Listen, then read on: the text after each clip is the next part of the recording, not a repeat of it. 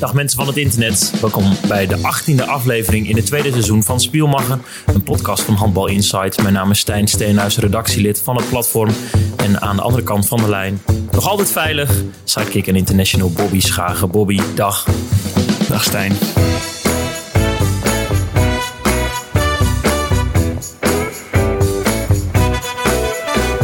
Ik heb je deze week online uh, zien voetgolven en postzegels plakken. Wat is dit voor week? Ja, dit is uh, coronaweek, hè? geen handbal nog steeds. En uh, ik was voetgolven en volgens mij heb ik meteen gebroken daarbij. Want ik trapte één keer heel hard in de grond. Dus ik heb nu een beetje pijn meteen. Maar het was wel leuk. En uh, ja, het was weer een another week in de, in de coronacrisis. Waar zat je? in het Hoge Noorden? Ik mag dit ja, helemaal niet zeggen, het hoge noorden. Dat vinden mensen uit het noorden altijd heel vervelend. Die zeggen dan het verre westen. In het noorden moet je zeggen. Ja, ik was in Groningen twee dagen met mijn vriendin. En uh, dat was heel leuk. Dus uh, ja. Fijn. En de postzegels? De postzegels, ja, ik heb ook postzegels geplakt. Want we moesten een paar magazines versturen. En ik had tegen Jasper gezegd dat ik wel dit keer... die taak van hem wilde overnemen omdat ik toch in Nederland was. Maar dat had ik beter niet kunnen zeggen. Jezus, wat een werk. In het kort, uh, we doen een clubactie. Um, ja. Leg eens uit voor de mensen die nu luisteren en nog niet lid zijn van ons magazine. Um, nou ja, het is een beetje bedoeld om clubs die uh, ja, nu geen kantineomzet meer hebben en toch nog doorlopende lasten hebben, een soort van een klein beetje te helpen. Als je nu lid wordt voor 25 euro, dan gaat daarvan 10 euro naar een club die je zelf mag kiezen. En uh, ja, we dachten dat is leuk, dus er zullen een paar mensen meedoen en uh, dan kunnen we wat clubs helpen. Maar er werd echt best wel goed op gereageerd. Dus ik ben echt een dag lang alleen maar postzegels aan het plakken. En op elk magazine moeten er vier. Dus uh, ja, dat ging, dat was, was een werkje. Zo sta je in Trondheim op een EK en zo plak je postzegels. Zo werk je bij PostNL, ja. ja dat klopt. Started from nou the ja, bottom. Goed. Ja. ja, maar dan andersom. Started ja, from the top. Nou goed. weet je waar ik bezig mee eh, ben geweest? Nee, vertel. Eén, mijn hoedenplank ingeleverd uh, bij uh, oh. de, de auto-eigenaar. Niet, niet de, de oude, maar de nieuwe in mijn auto. De auto-eigenaar, de garagehouder, uh, Dirk, ik wil hem toch even noemen. die zei van, weet je wat, als je hem niet kunt vinden... lever dan je nieuwe maar in, van je nieuwe auto. Dan staan we kiet. Dan verplaats je het probleem toch met een jaar, zeg maar. Dan moet je volgend jaar weer geen hoedenplank. Ja, dat is precies hoe ik werk. Of heb je nu een jaar lang om de tijd om die andere hoedenplank te zoeken? Ja, maar mijn vader zei dat hij waarschijnlijk... Want ik ben twee keer verhuisd in de tussentijd. Hij zei, ja, maar die ligt gewoon al bij de storten. Ah, oké. Nou ja. Helaas. Succes volgend jaar dan. En deel 2, mensen zien het al in de titel, uh, ben ik bezig geweest met uh, een gast strikken voor onze podcast. Die ja. nog niets gezegd heeft. Um, en het is Daniek Snelder, aanvoerder van Oranje. Daniek, goedemiddag of avond ja. voor de mensen die luisteren in de avond. Nou, goedemiddag of avond. Ja. Hallo. Fijn dat je er bent. Um, ja, geen podcastluisteraar in het algemeen. Uh, nee. Is dit een nieuwe ervaring voor je? Helemaal nieuw. Ik uh, ben er helemaal uh, koud ingegaan en ik zie wel hard zitten van.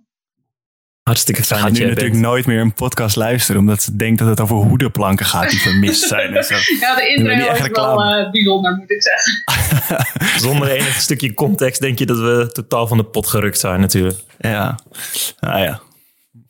Danique, Bobby zit in Amsterdam. Eh, de Bundesliga gaat nog niet starten. Waar ben jij op dit moment? Ik ben in Budapest al uh, iets meer dan een maand.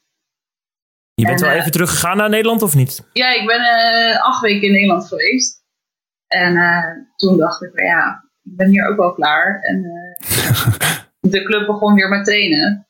En toen dacht ik, ja, dat klinkt wel aantrekkelijk. Dus toen ben ik teruggegaan, wel 14 dagen quarantaine. Maar nu wel weer aan het trainen. Dus dat is wel hoe was dat in eh, quarantaine? Um, het ging beter dan ik had verwacht. Maar uh, ja, ja, je stelt je er een beetje op in, maar het is wel saai. En ik had één dag echt dat ik dacht, ja, ik weet het niet meer. Ik, uh, ja, wat doe ik hier? Godsnaam. Ik heb mijn appartement, geloof ik, uh, 200 keer op een dag wel links naar rechts doorgelopen. Maar ja, ik, ik, weet niet meer waar ik moet zijn. Maar, Hoe moet je dan echt in quarantaine, quarantaine, zeg maar? Dat je een briefje nodig hebt om naar de supermarkt te gaan? Of mag je daar wel gewoon in een parkje hardlopen of zo? Nee, mag je nee ik mocht gewoon echt, echt mijn appartement niet uit. Ik oh. uh, kreeg op het vliegveld hier uh, Budapest kreeg ik een plakkaat mee. En een hele grote rode sticker, die moest ik op mijn voordeur plakken. En daarmee uh, had ik dus een verbod om naar buiten te gaan. En ik kreeg een telefoonnummer mee dat als eh, ik niemand ken hier in de stad die mij kan helpen, dat kon ik hun bellen. En dan gingen ze voor mij boodschappen doen of uh, naar de apotheek of wat dan ook. Oh wauw, je mag er echt niet uit. Ik mocht er echt niet uit, dus ik ben echt 14 dagen hier geweest. Ik heb gelukkig wel een redelijk groot balkon, dus ik kon wel naar buiten, laat maar zeggen. Maar eigenlijk, ik zat gewoon echt 14 dagen vast.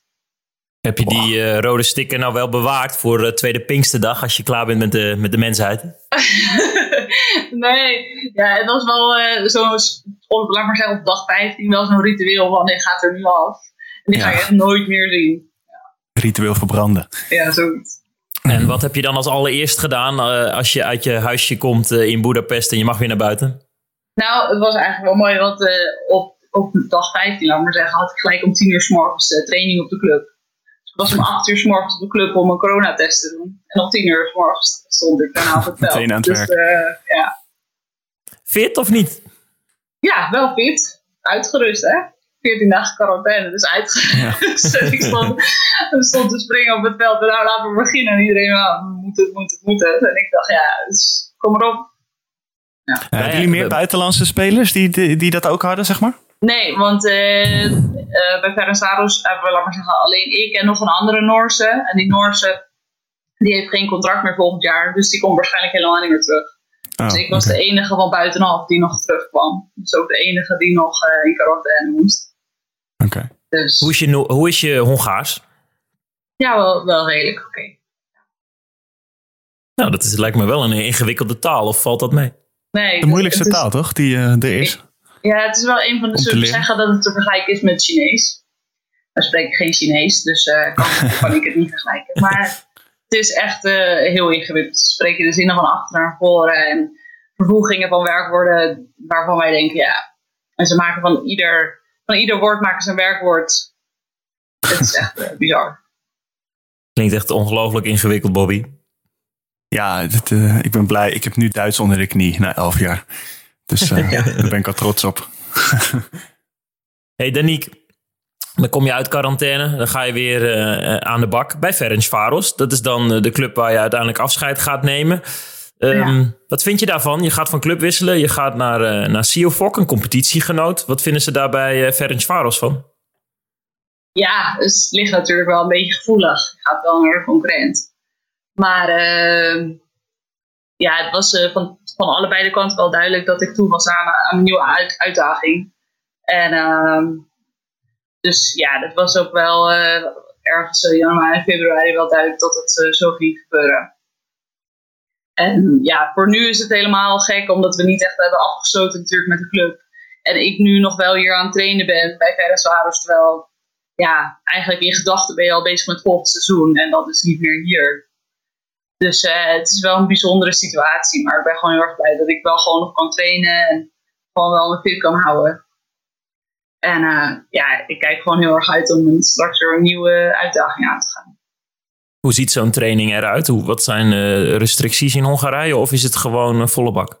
Nee, er zijn wel regels. We mogen bijvoorbeeld hier alleen maar tot 1 uur s middags in de hal. Want dan zeggen ze de ochtend tot 1 uur is voor topsporters. Dus tot die tijd mogen wij erin. En of je dan in de fitness bent of in de hal, dat maakt niet uit. Maar tot één uur mogen wij iets doen. En we mogen maar met zoveel mensen in de kleedkamer. En de eerste week dat ik er was, mochten we wel overgooien, maar nog niet echt contact. Maar iedere week wordt het een beetje soepeler. Dus nu, eigenlijk nu is een training gewoon zoals het was voor de coronatijd. Alleen in de uh, kleedkamer is het nog anders. Weten jullie al wanneer je, wanneer je gaat beginnen volgend jaar? Of wanneer de competitie weer begint? Ja, volgens mij uh, gaan we begin september gaan we weer competitie spelen. En volgens mij, zoals ik het nu begreep, is het ook met publiek gewoon. Maar misschien dan okay. minder publiek, weet je wel, met de ruimte ertussen. Ja. Dat weet ik echt niet precies. Maar onze voorbereiding begint gewoon 1 juli. Dus we gaan er gewoon uit dat we begin september gaan beginnen. Oké, okay, dus jullie trainen nu een soort voorvoorbereiding of heb je, nog, heb je straks nog twee weken vrij of zo? Ik heb nu volgende week nog training en dan heb ik vrij tot 1 juli. Dus dan heb ik allemaal okay. weken vrij. Ja. ja. Dus het is een beetje ah, lekker. Ja. Pre-season op de pre, op de pre-season. Ja. ja.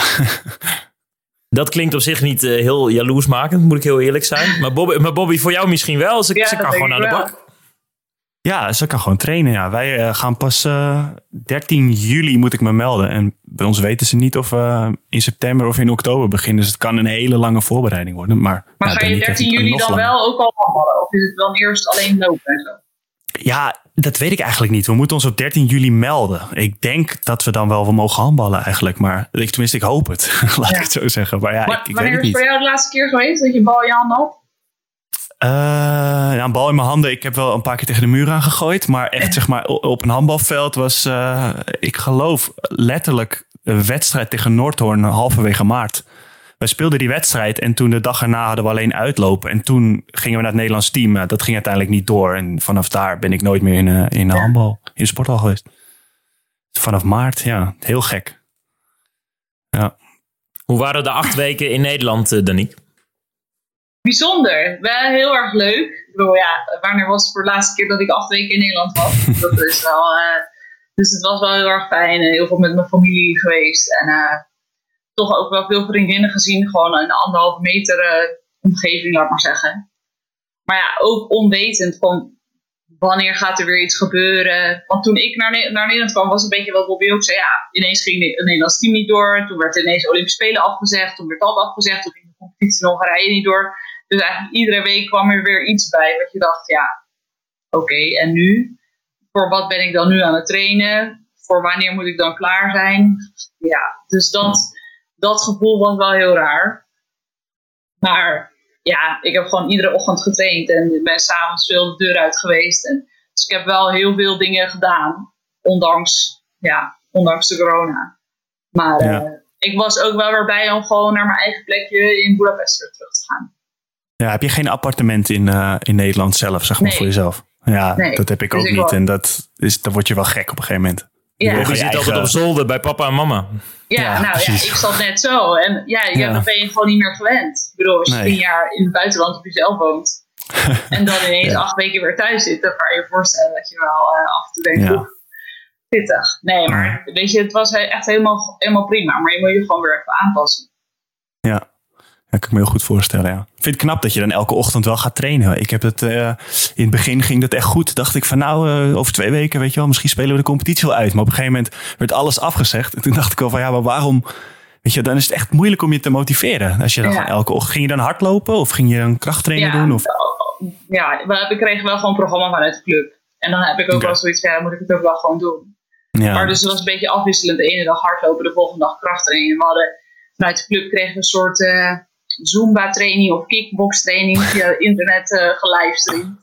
Dus dan stond ik in de woonkamer, stond ik weer gekke sprongetjes en zo. Zijn daar beelden van of niet? Nee, gelukkig niet. ik vond het echt vreselijk. Echt, ik vond het Ja. echt vreselijk. Maar eh, ja, had je toch weer iets gedaan. Maar ja, soms ook, in, en vooral in het weekend dacht ik ja, moet ik maandag weer gaan trainen? Voor, voor wat? ja, precies. Ja. Ja. Heb je, heb je het ook als waardevol ervaren dat je gewoon ehm, iets meer tijd had om mensen te zien of te spreken? Zien was soms lastig, maar spreken zeker. Ja, nee, nee, dat was wel echt super fijn. gewoon dat je veel langer bij huis bent en dat je dan ineens sommige vriendinnen wel iedere week een keer kon zien. Dan heb je toch hele andere gesprekken als dat je na een half jaar weer een keer naar Nederland komt en elkaar dan één keer ziet en daarna weer alleen over de telefoon spreekt. Bedoel, eh, ik heb een aantal vriendinnen met eh, kleine kindjes nu die je dan ineens gaan herkennen en daarna uitkijken dat je komt. Ja, dat is wel echt, ja, dat is wel echt heel veel waard. Dus dat was echt wel een pluspunt van die acht weken. En eh, dan merk je wel weer als je dan terug bent in Budapest, dat je zoiets hebt, oeh, dat was wel echt super fijn. Dus, ja. Ben jij nu ook dan wat meer bezig met wat je na handbal wil gaan doen in die coronatijd? Want ik merkte dat bij mezelf, zeg maar. Want volgens mij zijn wij even oud. En ik had wel zoiets van, oké, eh, nu is het dus, ben ik zo lang in Nederland. En wat ga ik eigenlijk doen als ik niet ga handballen? Je gaat er toch meer over nadenken of zo. Ik weet niet, dat had ik heel erg. Maar ik weet niet of jij dat ook had. Ehm, nee, nou, nee, niet per se. Ik dacht meer zoiets van, ja, eigenlijk hebben wij het best wel goed. En ik heb meer die vraag gehad, laat maar zeggen, na mijn blessure van vorig jaar, dat ik toen echt dacht van, ja, wat als ik nu per direct moet stoppen, wat Ja. ga ik dan doen? En toen Ja. kwam dat wel echt gelijk op me af. Dus misschien wel ook omdat ik er daar een jaar daarvoor al best wel veel over na had gedacht, dat het nu bij mij niet zo heel erg kwam. Nu was het Ja. meer bij mij van, ja, ik mag echt van geluk spreken dat ik tien jaar, laat maar zeggen, al dit heb mogen doen in het buitenland en dat het allemaal is gelukt. Stel, alles valt nu stil en stel er is geen geld meer in Hongarije en ik kan niet meer doorgaan. Dan heb ik wel tien mooie jaren om op terug te kijken. Ja. Dus bij Ja, mij was precies. het meer van ja, in welke vorm het dan ook doorgaat, wat er nu eigenlijk nog komt na de corona is, is alleen maar bonus. Ja, dat snap ik heel goed. Ja. Je voelt je toch gezegend of zo als je dan eh, mensen ziet die, eh, weet ik veel, eh, geen baan meer hebben of geen Ja. inkomsten meer hebben of zo. Dat je denkt van ja, toch wel gewoon al tien jaar lang eigenlijk. Of gewoon ondernemers die nu gewoon zitten te vechten. Van ja, hoe ga ik Ja. het overleven? En hoe lang gaat het duren voordat ik weer uit de schulden of gewoon dat ik weer winst ga maken? Ja, dan denk ik, ja, dan hebben wij het toch best wel makkelijk. ja, werden gewoon doorbetaald en eh, mochten 's ochtends een beetje hardlopen in Nederland. Ja, Ja, ja precies. ja, Ja, bij ons, wij hebben wel eh, moeten korten op salaris. En ehm, ja. ja, kijk, dat is ook. natuurlijk niet leuk. Maar ja, je kan het ook wel ergens accepteren Ja. of zo. ja, ik vond het ook niet zo heel moeilijk om te, om te accepteren, moet ik zeggen. Topsporters Ja, om nou met elkaar hele- in gesprek. Ik vind dit wel mooi, jongens. Ik Om geniet nou hier je wel hele leven te zoomen voor minder geld, dan is het natuurlijk wel, wordt het wel minder. Dan is het niet leuk. Ja, nee, dat ga ik echt niet doen. Als, als, als mijn hele jaar daaruit zou bestaan, dan zou ik echt stoppen. Dan zou ik zeggen, nee maar, geef maar mijn contract maar in ik, eh, ik ga wat anders zoeken. Dan maar niet. Nee, precies. Mooi. Ja. Ja. Daniek, je had het net over eh, de blessure die je een jaar geleden hebt gehad. Je hebt een aantal eh, nou, behoorlijke fysieke ongemakken moeten overwinnen. Uiteindelijk heeft dat eh, tot hele mooie dingen geleid waar we het straks over gaan hebben. Wat heeft dan acht weken, ehm, nou, Zumba, misschien relatieve rust eh, gedaan met jouw eh, lichaam?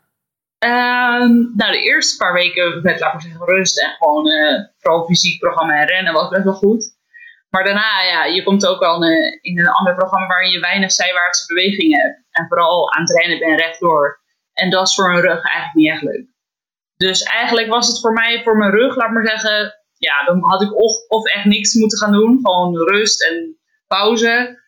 Maar dat rennen en alleen maar krachttraining, dat is eigenlijk niet goed. Dus eh, ja, ik was wel weer blij dat ik gewoon hier ben. En ik merk ook dat sinds ik nu weer aan het trainen ben en gewoon wel mijn kracht en eh, mijn oefeningen blijf doen, dat ik ook gewoon echt geen last meer heb. Dus dat is, eh, Fijn zeg. Blijft dat eigenlijk een eh, zwakke plek of niet? Want een hernia is echt wel de, een heftig ding. zeg ja. Nee, ik denk wel dat het altijd een zwakke plek blijft. Kijk, nu kijk ik er gewoon heel erg naar uit. Ja, dat ik wel oefeningen en zo blijf doen. En ik heb inderdaad nog steeds eh, dat mijn linkervoet eh, niet zo sterk is als mijn rechtervoet. En ik denk ook dat dat nooit meer helemaal terug zal komen.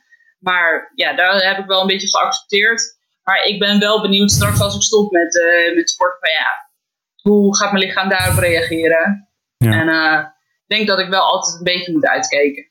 Maar geen idee. Ja, Bobby. Oh, jeetje. Wat gebeurde daar? Zo. Een je Bobby. stem slaat ervan over. Hè? Ja, nee, ik weet niet. Ja. Daar schiet ik een beetje van vol. Nee, dat is niet waar. Maar eh, maar- je weet dat ik veel respect heb, eh, Danique, voor de, wet, voor de weg die je hebt eh, afgelegd. Bobby, jij mag nu kiezen als sidekick. Ehm, we hebben een aantal onderwerpen. Wil je het dan eh, gaan hebben over eh, de spelenloze zomer die eraan gaat komen? Of gaan we stiekem toch kijken of we eh, nog achter dingen kunnen komen van Danique die gebeurd zijn in, in Japan? Het Ja, Japan wereldkampioenschap. natuurlijk. Gaan we dat Maar eerst doen voor de halftime show? Ja, wat moet je nou vertellen over afgelaste spelen? Moeten we het over het Dat ze, wereldkampioenschap dat ze niet doorgaan misschien. Dat wil iedereen weten natuurlijk. Ja. We, we- we willen daarin niet in allerlei clichés eh, gaan eh, vallen, eh, Danique. Want je hebt natuurlijk heel veel verteld al in allerlei bladen en, en al jouw teamgenoten ook. Goud gewonnen in december 2019. Ehm, wat ik dan toch wil weten. Je speelt die finale tegen Spanje. Ehm, hoe sta je dan op? Met welk gevoel? Is dat echt met knik in de knieën of, of is het heel gefocust? Nou, ik had er vooral heel erg veel zin in. En ook omdat eh, die wedstrijd tegen Rusland, dus die halve finale, was gewoon goed. En eh, ook daar gaan natuurlijk dingen fout, maar we hebben wel ons eigen tactische spel gespeeld. En, eh, dus ik denk dat vooral, ik had gewoon heel veel zin in om die wedstrijd te spelen. Dus vooral, ja, gewoon eh ernaar uitkijken. Dat gaat, weet je wel, ik had helemaal geen zin om te wachten, te ontbijten, weer te wachten, uitrusten. Nee, laat maar gewoon gelijk beginnen. Dus Was dat anders als in 2015? Ja, jawel. Dat ja, er sta je nog veel meer van, wow, we staan hier echt. Ja. En het was echt van, ja, wie had dit ooit gedacht? We zijn al in, Ja. nou, daar was je al, laat maar zeggen, al, al ja, gelukkig dat je er überhaupt was. En nu was het echt van, ja, we willen die, willen die gouden plak. Ja. Dus dat is wel heel anders. En Ja, dat zag je ook wel wel echt. de zenuwen voor zo'n volle arena en zo. Ja, en dat, dat heb je natuurlijk vaak gedaan in volle arena spelen. Voor finale spelen, prijzen winnen, eh, prijzen verliezen. Wat maakte deze wedstrijd dan ehm, toch zo bijzonder? Ehm, ja, eigenlijk omdat je, maar zeggen, heel het toernooi weet. van Ja, niemand had gedacht dat we, dat we dit zouden halen met dit team en een nieuwe trainer. En, ehm, maar we gingen echt vol zelfvertrouwen die wedstrijd in. Maar de eerste tien minuten waren echt niet goed. Dus eh, we stonden ook gelijk een paar doelpunten achter. En echt zoiets van, ja, dat gaat toch niet gebeuren, weet je wel. Eh, kom op zeg, nou eh, hebben we hier de kans en dan scheiden we onze broek. Wat, eh, wat is aan de, aan de hand? Dus ja, er gaat wel van alles door je heen tijdens zo'n wedstrijd. Maar ik heb er wel altijd in geloofd. En dat is wel het mooie. Dat, dat was eigenlijk heel het toernooi. Ondanks wat er gebeurde. Dat we er wel in elkaar hebben blijven geloven.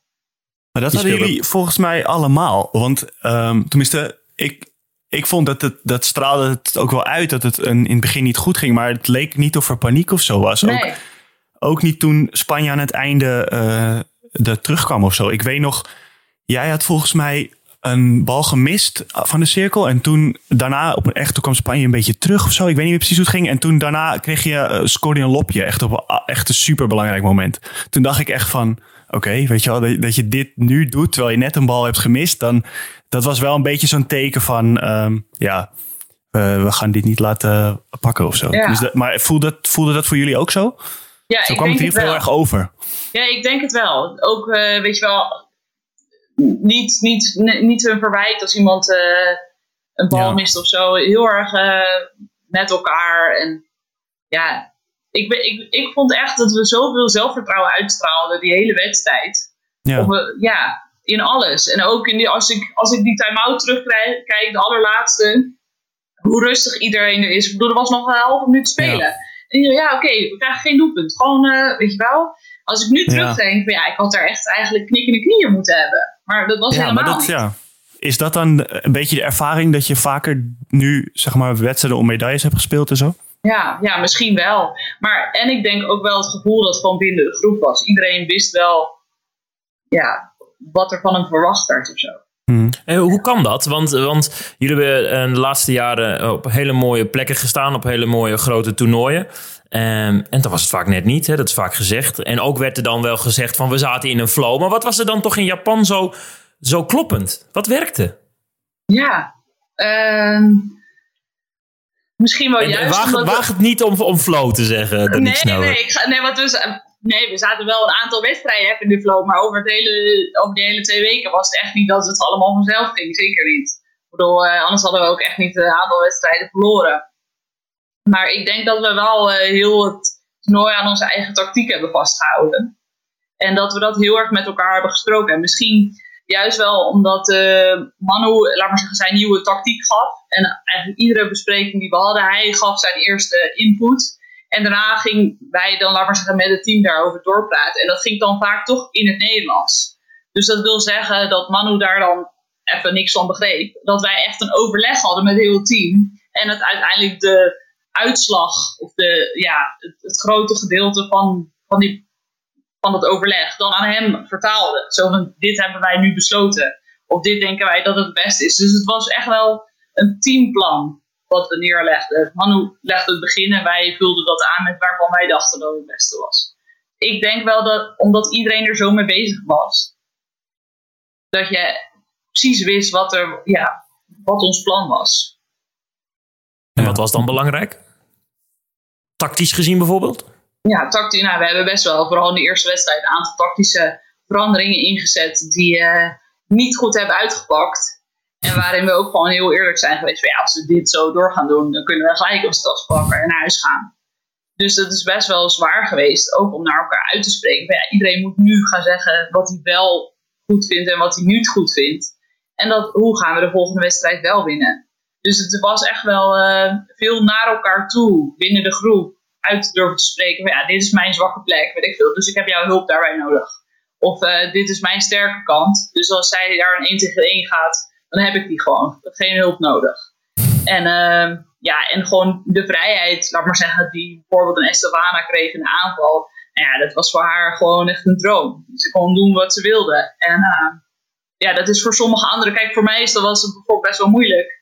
Want zij gaat dus gewoon iets doen waarvan ze nooit van tevoren weet wat ze wil. En ja. ik moet er dan maar op reageren. Snap je? Dus soms is dat wel. Ja, ja voor de ene is dat super fijn. Voor anderen kwam daar juist dan weer moeilijkheid bij. Maar ja, daardoor kwamen wel veel uh, sterke punten van het team naar, naar boven, denk ik. Ja, knap. Jullie verloren uh, het openingsduel van Slovenië. Veel goals tegen. Volgens mij was er ook een omzetting in de dekking geweest. Ja. Um, is, is Manu dan um, een coach die zegt: Weet je wat, ik doe een stapje achteruit? Vond hij dat moeilijk of, of heeft hij het teamproces daarin wel aangevoeld? Um, Want nou, hij was degene was... die toch wel wat, wat zaken veranderde. Volgens ja. mij op de twee positie gingen andere mensen dekken. Ja, nou, het inderdaad een aantal tactische veranderingen uh, doorgevoerd. En eigenlijk direct na de wedstrijd, weet je wel, dan ga je naar die kleedkamer en dan denk je al, ja, dit, dit was het gewoon niet. En ergens in mijn achterhoofd dacht ik, ja, ik voelde het al voor de wedstrijd, dat ik er niet 100% achter stond, dat we dat zo gingen doen. Maar ja, je denkt, nieuwe trainer, je heeft nieuwe ideeën, dus zo gaan we dat doen. En toen was wel na die wedstrijd gelijk in de kleedkamer over, ja, we moeten dit nu gaan veranderen, want dit zijn niet onze sterke punten. En dat zie je dus nu, dat hebben we 60 minuten geprobeerd. Gaat hem niet worden. Dus dat was echt wel heftig. En uh, dus het is echt wel een gesprek geweest tussen het team en, uh, en. En waarin hij dus ook heeft moeten accepteren dat dat niet zo is. Dus het is voor allebei echt wel moeilijk geweest. Voor ons om aan te geven van ja, we moeten een middenweg gaan vinden. En voor hem om dat dan ook te accepteren. En dat is natuurlijk best wel Hollands, dat wij dat gewoon zeggen. Ik bedoel, uh, volgens mij stond hij wel even van oké, okay, dat was in Frankrijk denk ik niet gebeurd.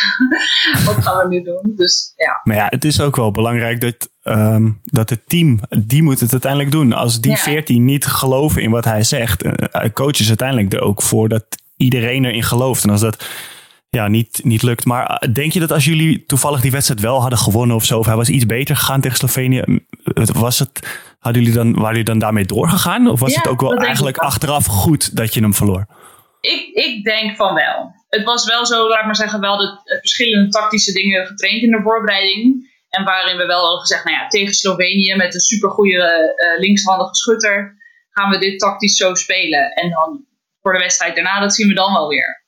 Ja. Maar ik denk uh, dat we anders wel meer uh, die andere dekking ook hadden gespeeld. En dat nu, omdat het zo slecht was uitgepakt, dat wel vrij snel hadden gezegd: oké, okay, dat is echt alleen mocht er een keer een noodsituatie zijn, om misschien de tegenstander even te laten schrikken dat we wat anders doen. Ja. Dus dat het werkt meer backup. En um, hey, jullie staan bekend binnen de mediawereld als lief en, en leuk en sprankelend. Hey, jullie zeggen gewoon waar het op staat. Um, wordt er dan gescholden? Wordt er dan gezegd, hou, hou alsjeblieft je snavel en, uh, en luister? Gaat het met krachttermen? Um, nou, gescholden wordt er niet, maar er zijn wel zeker hardere woorden gezegd. Maar ja, iedereen moet gewoon nu zeggen, anders dan, ja. Dus er wordt wel zeker ook met naam aangesproken van, ik vind dat jij, weet je wel, niet van, nou meisjes, laten we even met elkaar gaan zitten en even kijken hoe dat... Uh, is dat ook een, een, een, proces? Wat was dat vijf jaar geleden misschien met een iets zachtere aanpak richting elkaar gegaan? Ja, misschien wel. Ja, ja weet je niet. Ja psychologie van de, van de koude grond. Bobby, heb je dat door? ja. Ik heb nog één super brandende vraag over uh, Japan. Pakte, pakte je nou ja. daadwerkelijk een blokje erbij, uh, Bobby Schagen, of niet? Ik zie, uh... Ja, ik had iets opgeschreven dat ik niet moest vergeten te vragen. Want wij hebben daar super Waar hard om gelachen. je boodschappen? Ja, ga door. Nee, nee, nee. Dat gaat over Japan. Wij hebben daar super lang om, hard om gelachen, als je dat nog weet. En nu hebben we natuurlijk Danique hier, dus kunnen we het ook gewoon live vragen. Ach, ik ben jij, kreeg die, jij kreeg die beker van die Egyptische oh. voorzitter van de IAF. en toen deed hij hem zelf eerst omhoog voordat hij hem aan jou gaf. Hoe, weet je, je droomt daarvan als klein ja. meisje dat je als aanvoerder dat ding omhoog wil houden. En dan doet hij dat. Nou, hoe hoe kwam dat? Hoe voelde dat? Van, ik trek dat ding gewoon uit zijn handen. Ja. Dat was mijn eerste gedachte. Ik trek hem gewoon uit zijn. Want ik zag hem al zo heel... Ik dacht, nou, geef dat ding nou. Geef dat ja, ding nou. Ja, is van mij, ja. Ja, en, en hij, hij bleef er maar mee doorgaan. En toen maakte die, laat maar zeggen, die swing om hem ook in de lucht te gooien. Toen dacht ik, ja, ja. pak hem niet meer uit de handen te trekken. Dat ziet er echt ja. heel raar uit. En, maar ja, je staat wel, ik stond echt met mijn mond van tanden van ja, wat, ja. en nu dan? dit is ons moment. Wat pakt hij ons moment? Hij was heel even de aanvoerder van Nederland. Ja, ja nou, ik ben wel blij dat het voor jullie ook een beetje raar was. Ik stond echt, ja. wow. Sterker nog, Bobby, Bobby, Bobby heeft onderzoek gedaan. Dat schijnt hij vaker te doen, toch, Bobby? Ja, ik kreeg een mailtje van iemand en die zei dat hij dat meerdere keren heeft gedaan. En met allemaal YouTube-links. En toen zag je hem bij de mannen, zag je, wou hij iets geven aan Gensheimer of zo. En dan deed hij hem ook zelf eerst omhoog. Ja, maar wat is dat voor Hij weet het gewoon niet. Ja, ik, ik, denk dat hij niet snapt hoe het werkt. Ik denk dat ah, hij niet, uh, nooit geen aanvoerder is geweest en niet uh, weet dat dat het moment is waar je dan met nee, uit kan kijken. Dat is zeg maar de enige uh, wat lekker is aan aanvoerder zijn, is dat jij die beker krijgt. Verder moet je allemaal klusjes doen. Ja, dan, ja, dan mag je tenminste die beker hebben. Ja. ja. Ja. ben je mooi klaar mee. Danique, ik ben um, in 2019, hetzelfde jaar trouwens, hey, we hebben iets gemeen, um, kampioen geworden van de hoofdklasse A. Gefeliciteerd. dankjewel. Uh, dan, dan was, ja, ik vond het een hele leuke dag. Ik voelde me echt de hele dag een soort van dat ik dacht... Ja, dit is gewoon echt heel leuk. dit pakt niemand meer van me af. Maar ja. in hoeverre... God, wat een belachelijk verhaal dit. In hoeverre, in hoeverre voelde jij je zo euforisch? Nee, dit nou, ik serieus, want ik was echt, ik was echt vergelijkbaar gevoel. Ja. nou, dat euforische gevoel, dat was er zeker hoor. En dat was er echt wel lang. En uh, dat was ook zeker omdat we super mooi werden onthaald in Nederland. En uh, ja, ja, het was echt. Ik heb wel echt wel uh, drie dagen dat ik gewoon niet kon beseffen wat er allemaal is gebeurd. En overal waar ik kwam en ook in Nederland, gewoon bij mij in het dorp, overal iedereen spreekt je aan. Feliciteer, feliciteer. Bij mij ook hoor. Ja, dat dacht ik wel, ja. Dus, in jouw dorp wonen tien mensen, Stijn. ja. Nee. Ik, ik, was ook, ik, ik mocht jullie ook samen met heel veel andere mensen van de media onthalen op, op Schiphol. Ja. Um, Hadden jullie überhaupt geslapen in dat vliegtuig? Het, het, het, voor jullie, het was echt, nou, hoe laat was het? Vier uur in de ochtend. Ja. Uh, en dan staan er opeens, uh, nou, niet overdreven, twintig lenzen op je, op je neus. Hoe is dat vanaf jullie kant? Ja, iedereen was natuurlijk wel moe. We hadden wel we hadden een tussenstop. Uh, ik geloof in Korea, ik weet niet eens meer precies. En daar hebben we wel even een paar uur geslapen. Maar voor de rest, ja, je, je leeft gewoon in die bubbel op dat moment. En uh, je hebt ook geen idee meer hoe laat het is. Want we hadden last van, uh, van de jetlag en weet ik veel wat. Dus voor ons, het maakt er niet meer uit. En iedereen stond daar, ja, ik ben helemaal gaar. Maar ja, maakt niet uit. Ik bedoel, zo'n moment, dat maak je één keer mee. Ja, misschien, ik hoop nog wel een aantal keer meer. Maar ja, dat, ja het is gewoon genieten. Het, wel, het is hetzelfde als wat jij voelde. Het is gewoon genieten. Mooi is dit, zegt ze met een knipoog. Zijn er dan nu nog wel eens dagen dat je opstaat en dat je dan denkt... Goh, wat lekker. Wereldkampioen geweest, ooit? Ja, zo af en toe toch wel. Ja, eigenlijk denk je er te weinig aan. Ik bedoel, je gaat toch ook gewoon door. En, uh, maar soms, vooral als, als iemand tegenkomt en die vraagt dan van... joh, hoe was die finale eigenlijk? Ja, dan kom je toch wel uh, gelijk met een glimlach terug. Van, oh ja, ja. Had jij eigenlijk door uh, met die penalty? Had jij dat meteen door? Nee. Uh, nee? Nee, helemaal niet. Ja, ik dacht wel, um, laat maar zeggen, toen die rode kaart kwam, toen dacht ik penalty.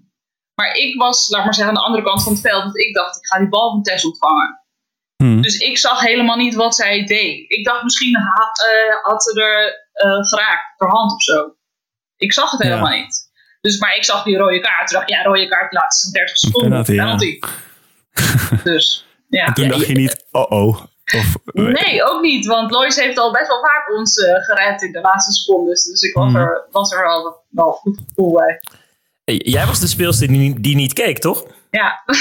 heb, je, heb, je, op dat moment niet gedacht van ik, ik moet dit zien. Ik moet dit voor eens en altijd, ook al is het voor mijn kinderen en mijn kleinkinderen, wie dan ook, moet ik dit, dit in mijn hoofd zien. Nee, ik uh, kijk eigenlijk bijna nooit bij 7 meters. Dat heb ik er sowieso al een beetje in zitten. Maar op dat moment dacht ik echt, nee, nee, ik moet het echt niet kijken als hij er niet in gaat. Ja, ik weet niet wat ik, uh, ja, dan neerval. Ja. Dan komen ze nog met een break terug of zo, weet ik veel. Ik, ja. uh, ik vond het wel prima zo. En, en um, er zitten volgens mij heel veel Koreanen in zo'n tribune. Het is niet zo dat je opeens het Nederlandse vak hoort, hoort schreeuwen. Um, nee. Wiens emotie maakte bij jou duidelijk van... hé, hey, hij zit erin, we zijn wereldkampioen. Wie keek jij aan? Jessie. Jessie stond naast mij. En die ging juichen. En toen draaide ik ook om. En Tess stond ook te juichen. Want ik keek natuurlijk naar Tess. Want ik stond de kant op. Dus ik hoorde Jessie en Tess. Toen dacht ik, ja. En toen zei Jessie, je moet nog wel omdraaien. Wij moeten nog verdedigen. Ik oké. dus uh, ja, ja, dus het, ja, het, niet echt, helemaal niet van de tribune. Ik weet ook helemaal niet meer of ze hebben gejuicht of boel geroepen. Ik weet het niet. Die zijn toch ook gewoon geprogrammeerd om te juichen? Ja, ja, dus ik denk het wel. Ja, te klappen en te lachen, ja. Mooi. Dus um, dan zie je Jessie voor je en dan hoor je haar stem. En als je haar stem dan de rest van je leven hoort, dan denk je weer hieraan. Ja, mooi toch? ja, dat is heel erg mooi. Bobby, is het tijd voor de halftime show? Ja, prima. Leuk. Okay. Ik hoorde al een muziekje komen. Heel goed, heel goed. De Halftime Show is het segment in Spielmacher, de podcast van Humble Insight, waar ook uh, ruimte is voor luisteraarsvragen. Heb je nou een vraag? Um, nou, dat kan er nu niet voor Danique, maar dat hebben we via Insta Instagram gedaan. Maar wel voor deel 19 voor Bobby of mij. Stuur dan naar Bobby at Humble Insight een mailtje.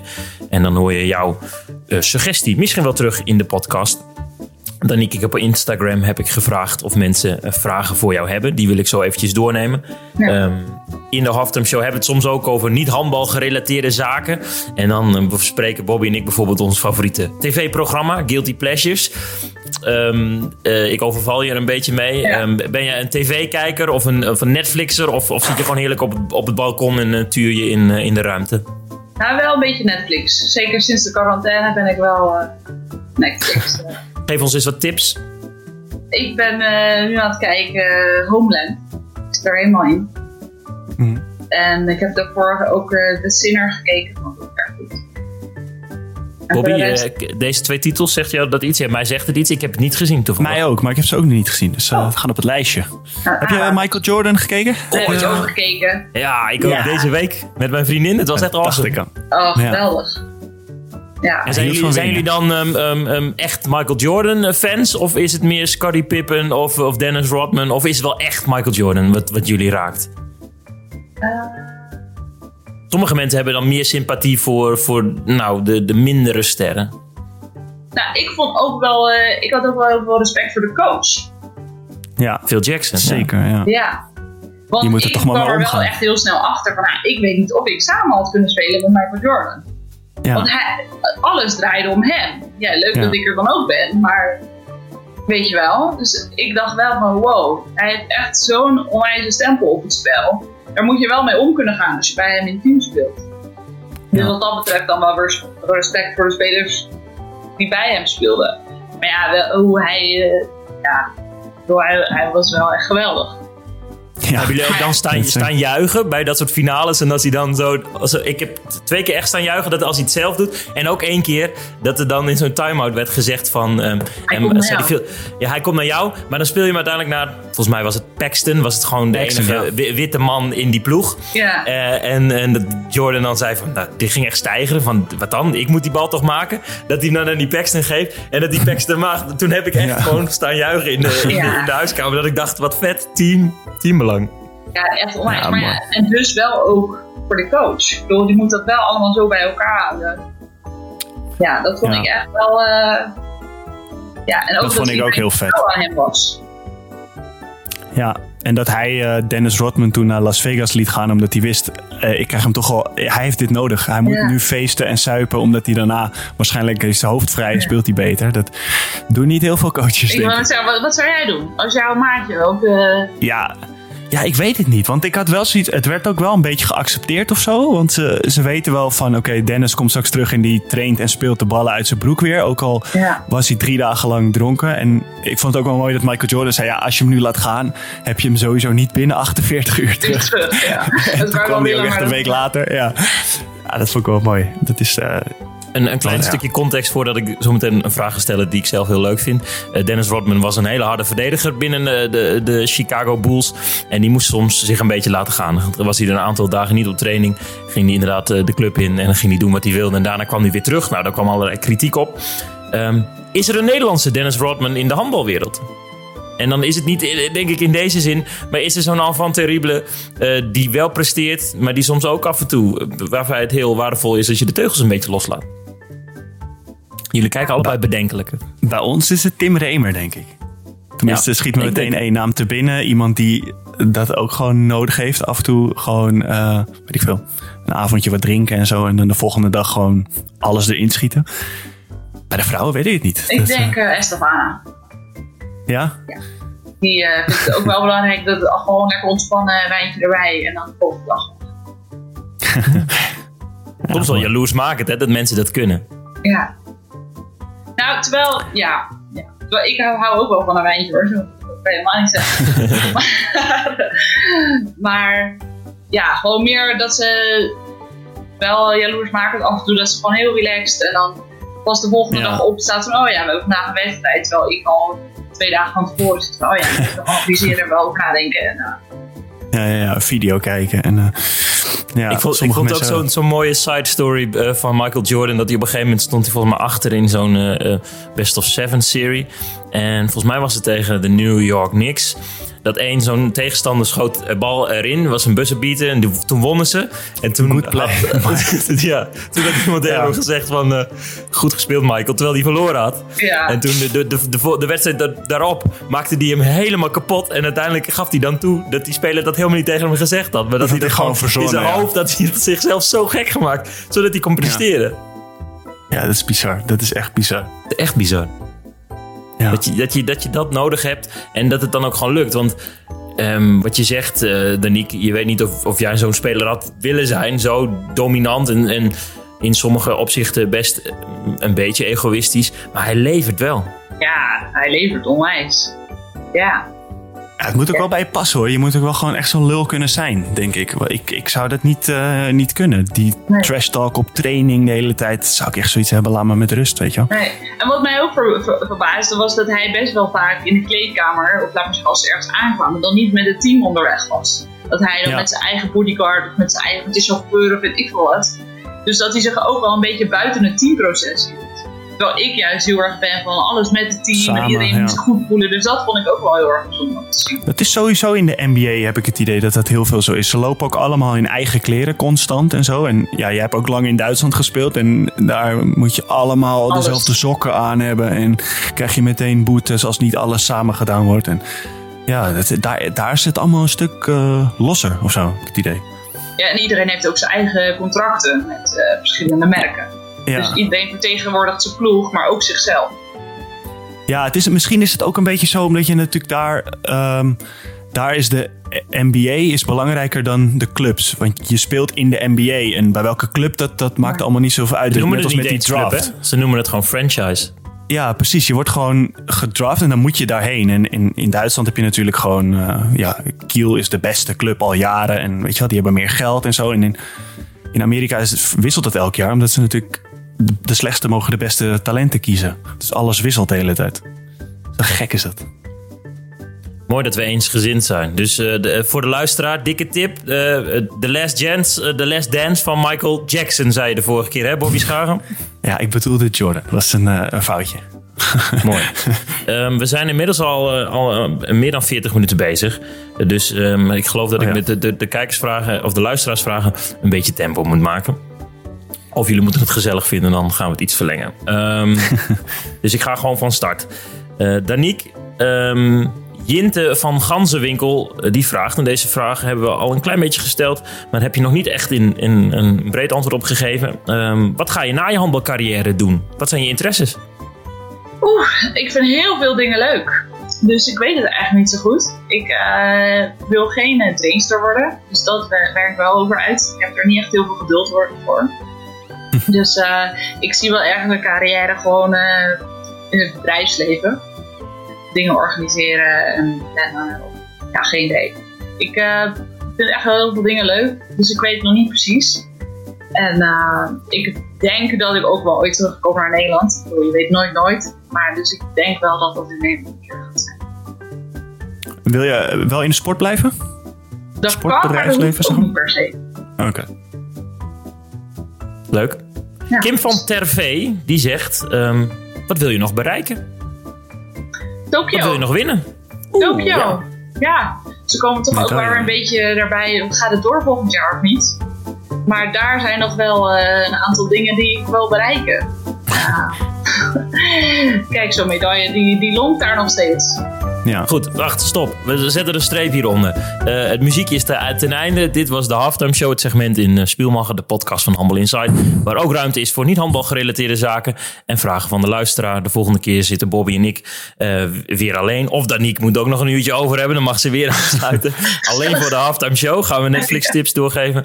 mail vooral naar bobby.handbalinsight.nl Of als je Bobby wil omzeilen, redactie.handbalinsight.nl ademen. De spelenloze zomer, daar zijn we aangekomen. In 2020 gaat het niet door, 2021 hopelijk wel.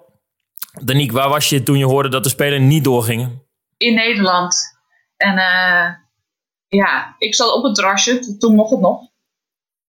En uh, ja, het kwam wel een beetje al zo van, ja, de hele tijd van, ja, wel niet, wel niet. En toen zei nog de president van, uh, van Japan, van, ja, we gaan het sowieso door laten gaan.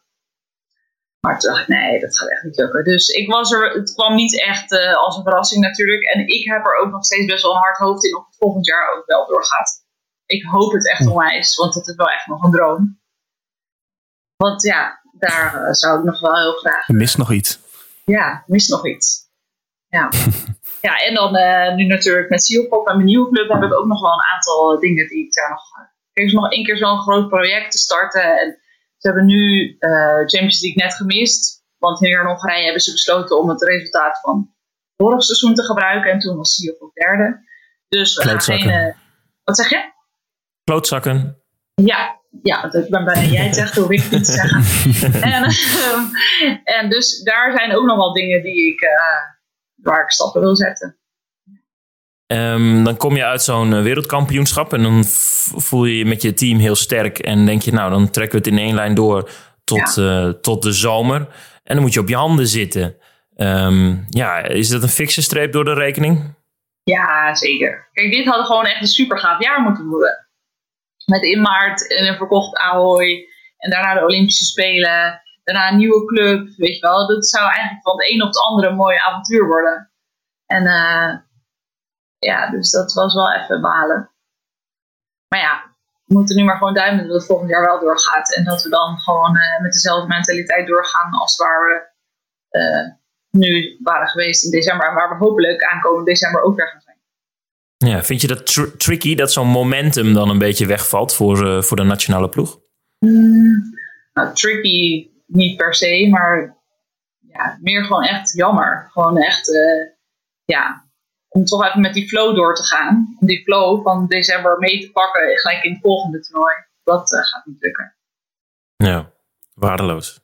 Hoe denk je eigenlijk dat jullie, uh, want jij hebt natuurlijk heel veel mensen weg zien gaan in je Nederlands teamtijd en nu de laatste jaren heel veel nieuwe erbij. Denk je dat jullie, dat Nederland, zeg maar, dit niveau, zeg maar, in de top, dat dat nog tien jaar vol te houden is? Of denk je dat er misschien als bij jullie de kern of zo mee zou stoppen, dat het weer even duurt of zo? Of, hoe schat jij zeg maar die jonkies in? Um, ja, dat vind ik heel erg moeilijk.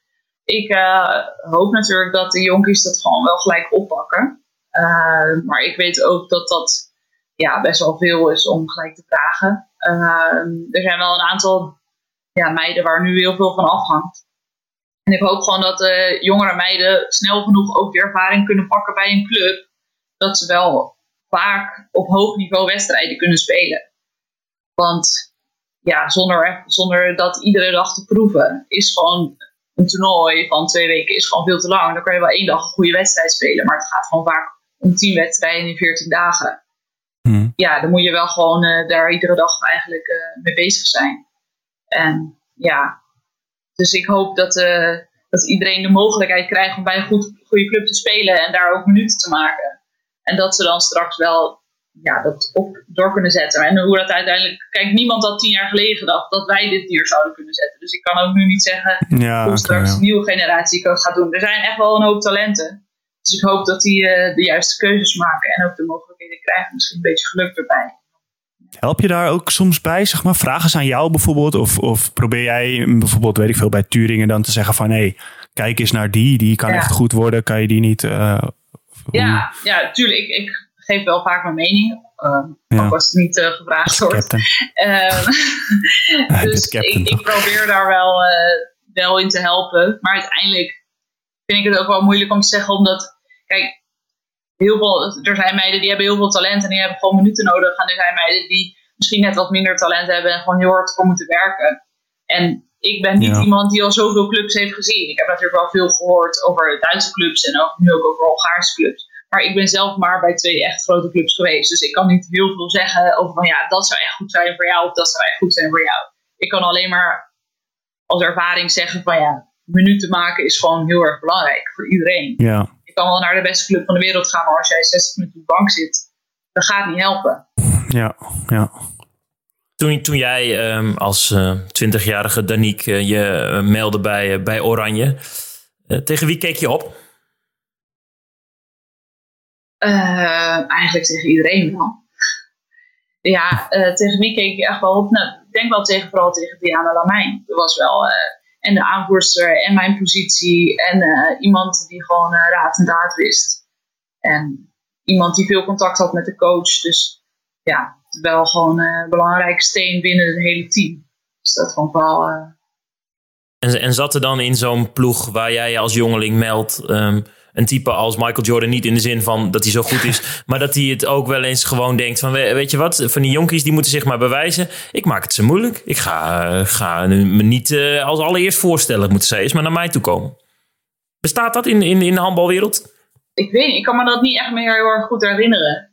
Maar ja, kijk, ik was toen nog gewoon een meisje wat in Nederland speelde. En was super blij dat ik een keer werd uitgenodigd. En al die meiden van de nationale ploeg speelden toen ook wel in het buitenland. Dus persoonlijk kende ik hen niet. En ja, dus het is sowieso wel echt zoeken van je weet, oké, zij zijn sowieso nummer één.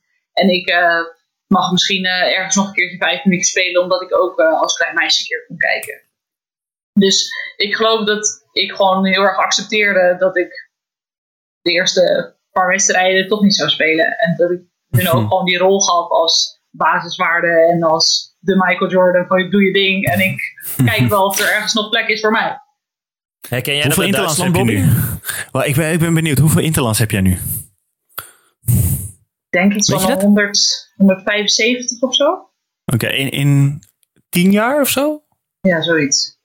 Nou, ik ga even checken hoor. Er staat 164 per 29 november 2019. Je moet even vragen iemand uh, je Wikipedia-pagina uh, te updaten, uh, Ja, deze. Ja, bij deze. Kan iemand wel even doen, toch, die dit ja. hoort. Van waar de vraag, Bobby? Nee, gewoon, gewoon benieuwd oh, gewoon omdat, we even, omdat we even oud zijn. En dan ben ik altijd benieuwd hoe, hoeveel ik er achterlopen. Volgens mij iets van 70 of 75. Maar in precies dezelfde tijd, zeg maar. Dus maar ja, dat is gewoon omdat je op een WK, op een EK gewoon heel veel wedstrijden speelt. Ja, precies. Ja. Dat vind ik gewoon grappig om dat verschil te zien. Ja, mooi. Bobby, um, um, ken jij een, een, een lul die het jou in Duitsland moeilijk heeft gemaakt? Of die het andere, misschien Duitse jongens moeilijk maakte in jouw jongere jaren over de grens? Ik weet het niet. Je bedoelt een soort Michael Jordan-achtige nou, gewoon iemand die echt wel op de training af en toe uh, moeilijk was. Omdat hij dacht, uh, bewijs je maar. Ja, dat, hebben, dat heb je sowieso in Duitsland heel veel. Als je jong bent, dan moet je het water dragen. Je moet alles doen. En uh, je moet sowieso niks zeggen. En je moet gewoon. Je mag pas wat zeggen als je er tien maakt in de wedstrijd, zeg maar. Dus dat is sowieso daar een beetje de cultuur, die, die hiërarchie, zeg maar. Is dat die goed of niet? Erg. Is dat goed? Ja, ik vind het wel goed. Ja, ik, misschien ben ik ook een beetje verduidst daarin. Maar ik vind het wel eens moeilijk als ik als ik bij het Nederlands team kom en bijvoorbeeld, uh, weet je wel, alle hesjes die worden niet opgeruimd of de ballen liggen nog overal en iedereen kijkt van ja, ik ga die niet halen, weet je wel. En in Duitsland is dat gewoon de jongste draagt het water, de ene jongste pakt die ballen. Daar is nooit gezeik over. En het is een beetje, ja, het, is ook, het voelt soms een beetje gemaakt of zo. Maar soms denk ik ook, ja, we hebben daar nooit problemen dus door. Iedereen doet dat. En iedereen is een keer jong geweest. En als je wat ouder wordt, ben je er vanaf. Dus iedereen heeft dezelfde voordelen als het ware dat vind ik wel goed, ja. Maar dat was niet je vraag, hè? Je vraag was Jawel, nee, zeker. Nee, dit is, een heel, goed, heel goed antwoord. Dus ben jij het daarmee eens, Daniek? Herken jij dat? Is, of is het bij aan de vrouwentak uh, iets, iets minder uh, hard? Nee, nee, ik herken dat wel. Dat was in Duitsland ook zeker zo. En ook wel van, ja, dat was gewoon... Uh, wij hadden gewoon daar ieder jaar de eerste dag van dat we bij elkaar waren... ging, ging gewoon het lijstje af. Wie is de jongste? Oké, okay, jij krijgt de ballen diegene die daarna, dan mag je kiezen of de hesjes of het uh, ijszakje, of uh, weet je wel. Dus het ging gewoon zo af. Maar hier in Hongarije is het nog wel een stapje erger en dat vind ik wel soms uh, ja? heel heftig. Ja. Hier is echt is gewoon de... de trainer in de, weet je dan zitten we water te drinken aan de oefening en dan zegt hij, ik heb nodig drie pionnen, vijf shirtjes, vijf dit en dit. En dan moeten die jonkies die springen op en rennen naar de hoesje. Ja, Oh, en dat wauw. ligt dan allemaal klaar. Dus dat vind ik dan soms, ja, hoeft niet per se. Of als ik mijn eigen bal opruim, dan komen ze al naar me toe rennen. Nee, nee, dat hoef je niet te doen. Terwijl ik ja, die had ik mijn toevallig nog in mijn handen. Die kan ik echt wel zelf nu in die balzak gooien. Ja. Ik heb wel eens bij een club gezeten waarin de jonkies koffie brachten in de bus naar een uitwedstrijd. Die kwamen dan langslopen, wil je koffie? Dacht ik echt, van, ik kan toch zelf opstaan en koffie pakken? Maar Ja, wel soms gaat het wel een beetje ver. ja, Is ook wel lekker, zei hij, terwijl, eh, terwijl jij er doorheen praat, eh, Danique. Hij vindt het dus Ja. ook wel fijn als we een koffie komen brengen. het wel fijn, ja. het, het went. Hey Danique, we hadden het dan net over de generatie die komen gaat en of die hetzelfde kunnen. Dat moet dan blijken. Jullie hebben in ieder geval een, eh, met, met jullie generatie een hele, hele mooie dingen gedaan voor de handbalsport. Ehm, zit er dan nu in ehm, de groep met nou, 19, 20, 21-jarigen iemand waarvan jij denkt, ja, jij hebt het. Jij werkt hard, je hebt een goede kop en, en, en ook talent. Of misschien meerdere mensen.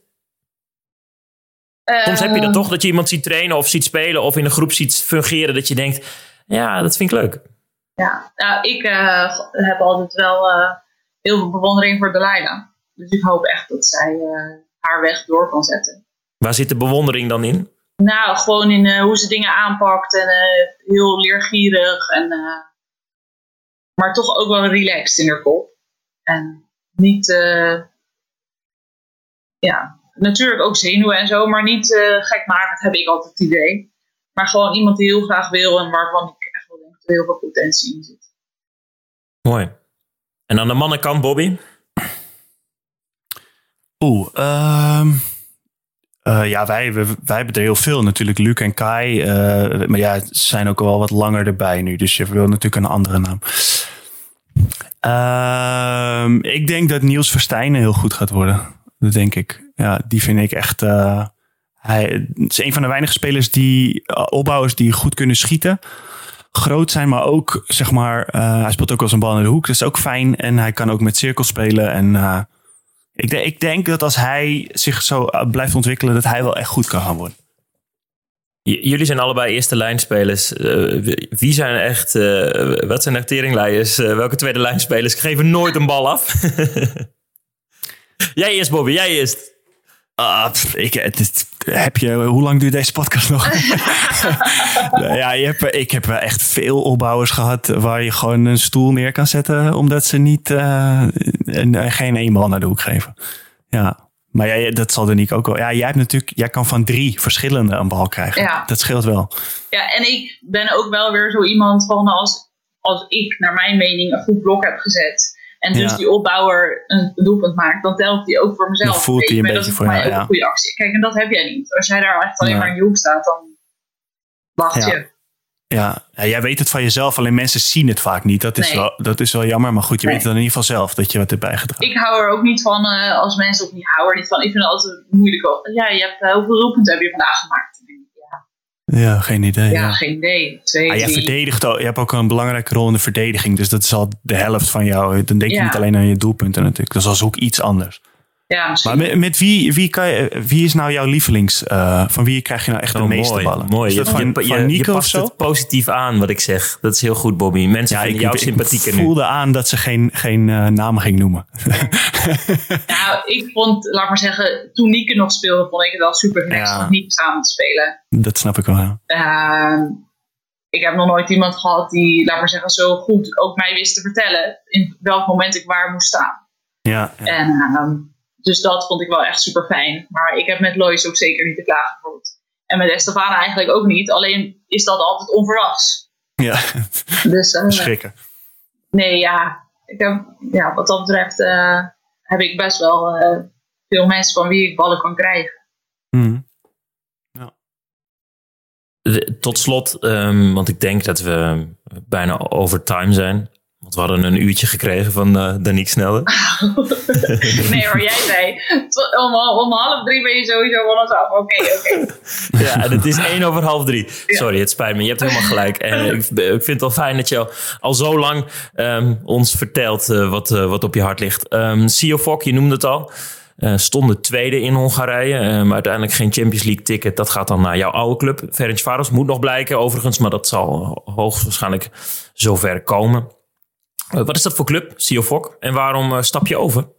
Um, nou, dat is een club die sinds 15 jaar geloof ik echt onwijs gegroeid zijn. Een heel goed plan neergelegd. En ieder jaar, we zeggen, weer betere speelsters gekocht. Dus, eigenlijk onderin de eerste liga gestart. En zijn ieder jaar een beetje beter geworden. En sinds, uh, eigenlijk sinds vorig jaar draaien ze ook echt mee bovenin. Misschien het jaar daarvoor ook al. En uh, ja, ik kwam al wel uh, al een aantal keren kwam al de vraag of ik niet interesse had om daar ook te spelen. en ja, ik was wel, ik heb nu vier jaar hier gespeeld en ik wilde eigenlijk wel iets anders. En dat werd wel duidelijk toen ik in Japan zat ik had wel zoiets, als mijn rug dit goed houdt, dan wil ik nog echt wel een aantal jaren spelen. Dus ja, toen kwamen ze met een goed, een goed plan over wat ze wilden en waar ze mij terecht zien zaten zitten. Ja, ik vind Hongarije een mooi land om te leven. Ondertussen spreek ik de taal een beetje zonder als ik nu weg zou gaan. En uh, dus toen heb ik daar nog voor gekozen. Mooi. Leuk. Bobby, zag ik je nou nog iets opschrijven? Nee. Ik nou. schrijf niks op. Nee, ik had één brandende vraag. Dat was over uh, meneer Mustafa. Maar verder. ja, nou Mustafa. dat is mooi. Bob, um, Danique, hoe was je eerste podcastervaring? Leuk, wat gezellig. Fijn. Ja, nee, uh, ik ben wel benieuwd uh, wat de luisteraars ervan vinden straks. Het ziet ook gezellig ja. vonden. Nou, dat... Uh, Moet eens even een review of hoe zoiets. Waar we altijd op vragen, maar wat nooit iemand doet. Dat je zo sterren moet nou, hoezo nooit iemand doet? Ik heb laatst gekeken. Volgens mij hebben we al 25 keer 5 sterren gekregen hoor. Oh, nou kijk. Ah, dat is helemaal niet gek, toch? Dus Bobby, jij ook geen slotvraag? Dan, uh, dan, dan hebben we volgens mij. ik, ik, ik, ben, ik, ja, ik vond het ook heel interessant, uh, ja. Danique. Um, wij hebben elkaar um, wel eens mogen spreken. Um, dan wel in tekst, dan wel in, in, in film. En op een gegeven moment hebben Bobby en ik gezegd... we moeten ook een keer kijken of we een oranje dame kunnen strikken. Uh, en toen zei ik van, nou, dan wil ik wel met Danique spreken. Want uh, ik vind gewoon de dingen die je vertelt... Uh, die snijden hout. En volgens mij heb je dat wel, heb je dat wel heb je aan die eis voldaan. Dankjewel. Ja, ik ben goed goedgekeurd. en je vond het ook nog leuk, dus dat is hartstikke ja. fijn. Ja. Wat ga je dan um, um, straks eten? De mens, Danique, willen we ook graag weten. Wat, wat staat er op het menu? Uh, wat, nou, ik ga vanavond uit eten. Dus ik uh, weet nog niet precies. Ja, hier in Budapest kan dat heel goed. Goulash. Goulash, ja. ja. Grap, die hoort ze waarschijnlijk 15 keer per dag. Ja, maakt niet uit. Maar. een, een, mooi cliché om, uh, om deze oh, podcast de 18e in het tweede seizoen te eindigen. Zal ik dan het, het slotwoord nemen? Yes. Mooi. Ik wil de luisteraar graag bedanken voor het luisteren naar eh, de 18e aflevering in het tweede seizoen van Spielmachen, een podcast van Handbal Insight. Heb je nou um, suggesties voor de halftime show? Mail dan vooral naar bobby.handbalinsight.nl of redactie.handbalinsight.nl. En dan zien we je graag weer terug in uh, de 19e editie van uh, deze audioshow. Uh, Danique, we eindigen altijd in het Duits, want het heet Spielmacher en normaal zit Bobby in Duitsland. Dat ziet hij dan al een aantal weken niet meer. dus wij eindigen zo meteen in het Duits. Het lijkt me het leuk als jij dan je, je, je in je ja. beste Hongaars... Um, um, doe je zegt. Het, doe je zegt. Dus dan zeg ik um, tjus Danique en uh, tjus Bobby. Dan zeg ik tjus. Sziasztok mindenkinek. Ja. Dit is echt een moeilijke taal. ik sluit me erbij aan.